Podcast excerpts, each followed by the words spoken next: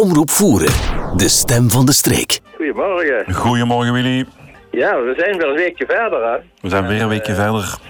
Ja, ja.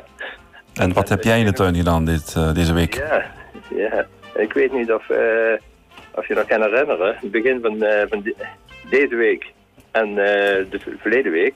Toen zaten we met die mooie hoge temperaturen, hè? Dan hebben we het over het prachtige weer gehad. Alles was aan het uitlopen. Mhm. Hè? Dat zei je zelf, hè? De bomen lopen mooi uit. En Ja, ja, ja, inderdaad. Ja. Maar eh, als we nu naar buiten kijken, het is fris, het is koud. En de vooruitzichten zijn namelijk tot eh, het begin volgende week zelf eh, nog een stuk kouder wordt. Ja, het is veel te vroeg voor, sneeuw, voor, voor zomerbanden. Ja. En we zouden zelf nog wat uh, nachtvorsten krijgen. Hè? Ja. Dus we, we moeten dan heel voorzichtig zijn wat betreft eh, ehm, het buiten zetten van planten. Het uitplanten. En dan heb ik het over eh eh, kuitplanten. Dus eh, die ja, we allemaal de neiging hebben gehad, ik zelf ook, om te buiten te zetten, die ik toch weer gaan afdekken of een tijdje binnen zetten. Dus gevoelige kuitplanten. En ook eh ja, diegenen wat al begonnen zijn met zomergoed planten, nou, die, hebben, die wel een beetje pech. Hè, maar die moeten toch wel denken, de meeste eh, bloeiend materiaal wat we buiten zetten, buiten de vaste planten. Hè, dus ja, kunnen eigenlijk maar weinig vorst verdragen. Daar moeten we rekening mee houden. Dus die, die gaan niet gewoon dan trager. Sommige kunnen echt kapot vriezen. Juist, juist. Hè? Dus het zaaien van, daar heb ik het verleden week ook over gehad. Het zaaien is geen probleem. Op het ogenblik mag je rustig zaaien. Alleen het kiemen zal wel een tijdje duren, want het kiemen van de planten is afhankelijk van de grondtemperatuur. We zaten eh, begin deze week aan een grondtemperatuur van 10 graden. Hè? Dus en dat is eh, vrij hoog voor deze tijd van het jaar. Eh, voor het kiemen hebben we 10 tot 12 graden nodig. Hè? 15 graden is nog beter. Hè? Maar ik ben bang eh, als we deze koude periode hebben, tot geleidelijk aan die grondtemperatuur weer eh, gaat zakken. En tot we weer gauw aan die 7, 8 graden komen. En dat is veel te koud voor eh, planten om te kiemen. Maar het is wel een normale temperatuur voor nu. Ja, maar we hebben ons eh, een beetje laten gek maken door dat warme weer. Maar je hebt gelijk, dit begin april kan het nog best vriezen. Dat klopt. Ja, ja. Want, eh, we hebben niet voor niks eh, half mei pas de ijsheilige. Ja. Dus eh, eh, net als zelfs als het, het gas. Eh, eh, ja, we zijn nog begonnen te maaien en dan noem maar op. Nou, dat krijgt nu ook een, een terugslag. Ja. Er stond al veel gras, vond ik, toen ik de eerste keer maaide. Maar, eh, Ja, ja, omdat de grondtemperatuur was vrij goed. Alles begon goed te groeien. mhm. Ja, nu is dat niet erg bij gras. Ja, dus alleen, dan moet ik zeggen, de scherp, het scherp zijn van de maaier is daar heel belangrijk. Hè? Want als we gemaaid hebben met een, eh, met een eh, gewoon maaimachine, hè, dus eh, met zijn cirkelmaaiertje eronder, Mhm. en we hebben dat niet goed laten slijpen, hè, dan heb je kans dat die kopjes die, ja, niet mooi glad zijn afgesneden van dat gras. En dan krijg je met dit weer, met dat droge, koude weer, krijg je dus dat dat gaat indrogen. En dan krijg je dus een bruine schijn over het gras. Ah, oké. Het is ja. sowieso altijd eh, raadzaam om met een hele scherpe grasmaaier te maaien. Eh, dus eh cirkelmaaier, ik heb er niks tegen als die maar goed scherp is. Kooimaaier zijn het allerbeste, want dan krijg je een heel vlak snijvlak. Eh, dus- Mhm. en dat is, dat is eigenlijk wel het beste. Dus het, mest, het bemesten van, de, van het gras moet nu ook gebeuren. Hè? Dus, want we moeten zorgen dat er toch voeding bij de wortel zit, zodra de temperatuur gaat, op, eh, gaat Mm. oplopen. En we kunnen nu wel eh, misschien nog eh, twee weken wat koeler weer krijgen. Koud weer, zoals ik het noemen wil. Maar eh, uiteindelijk gaat die temperatuur omhoog. En dan eh, komt de, de groei er. En dan gaan de, de wortels, die gaan dan heel veel eh, mineralen opnemen. Nou, en moet je zorgen dus dat er wel voldoende, ook bij de andere planten, dat geldt dus wel voor alles, eh, voor, eh, ook voor bomen en struiken, dat je voldoende voeding eh, bij de plantenwater zetten. En uh, zoals je de vorige keer zei, uh, wel rekening houden met uh, de kwaliteit van de, van de bodem?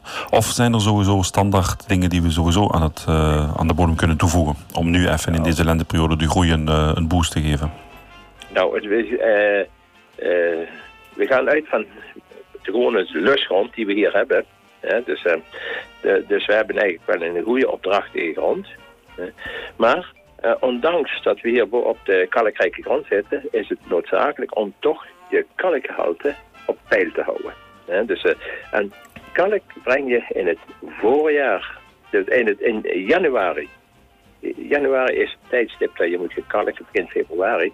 In ieder geval vier tot zes weken voor dat je in maart gaat mesten. Want je moet, die, die kalk moet eh, goed opgelost zijn in de klei. In het, hè, dus, uh, mm dan krijg je, en het klei-humuscomplex. Dus, uh, want dan heb je heel veel pootjes waar je mineralen kan aanwenden. En dat zijn de meststoffen.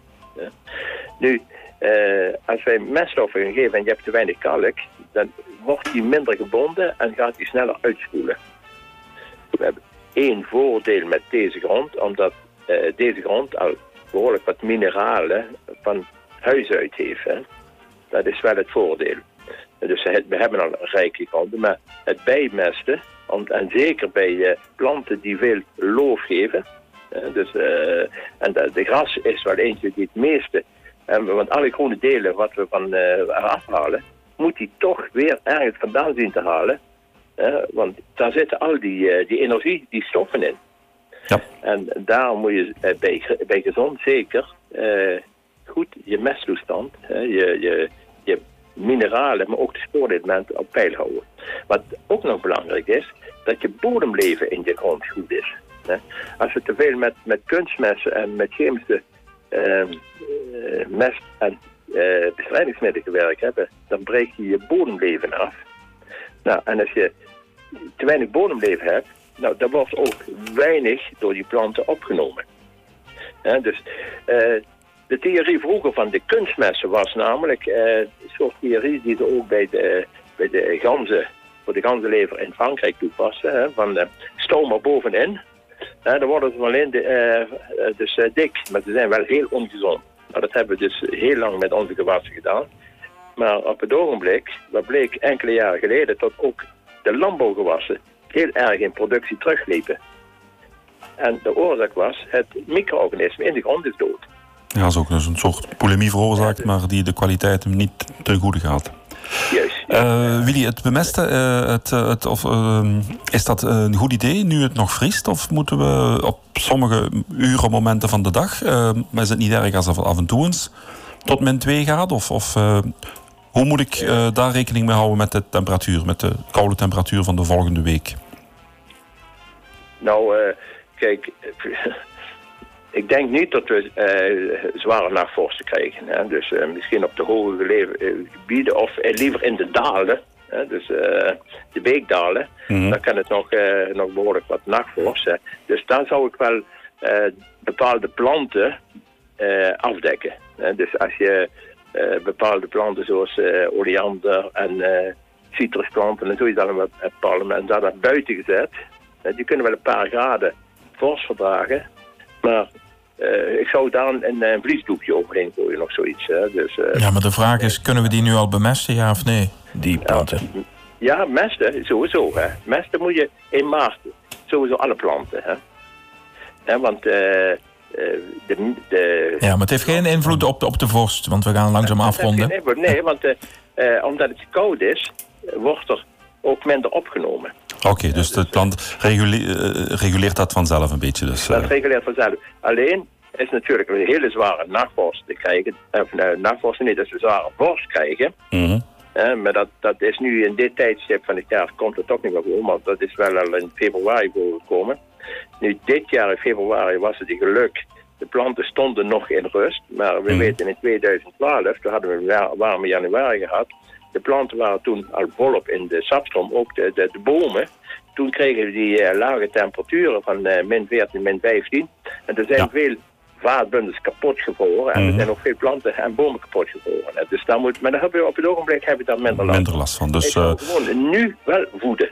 Hè, want zodra die temperatuur omhoog gaat, hebben die planten dat nodig. Dus, eh, En dan nemen ze dan wat ze nodig hebben. Dus, eh, en, dat, en eh, dan moet het bij de wortel zijn, dan nemen ze dat op. Oké. Je ziet, je ziet dat, de, temper, dat de natuur vooruit blijft gaan. Want Mhm. we hebben dit, dus eergisteren, donderdag, al de eerste eikenprocesgerupsen gezien. Dus je ziet Ah, ja. Die uit de eikpakketten zijn gekomen. Dus de natuur blijft voor. Blijft maar voorgaan. Ja. Dus ze voelt dat het komt en ze geniet van elk mooie momentje om, eh, om vooruit te gaan. Ja, ik zou alleen, eh, wat ik wil meegeven, eventjes voorzichtig zijn. eh, niet voorbarig. eh, eh, omdat we nog 14 dagen wat koude temperatuur krijgen. En eh, eh, daar, daar in ieder geval rekening mee houden. En rekening mee houden, niet zomaar alles gaan buiten zetten dus, en het beschermen. Ja, ja, ja. Winnie, dankjewel. Dat waren weer eh, zeer interessante tips.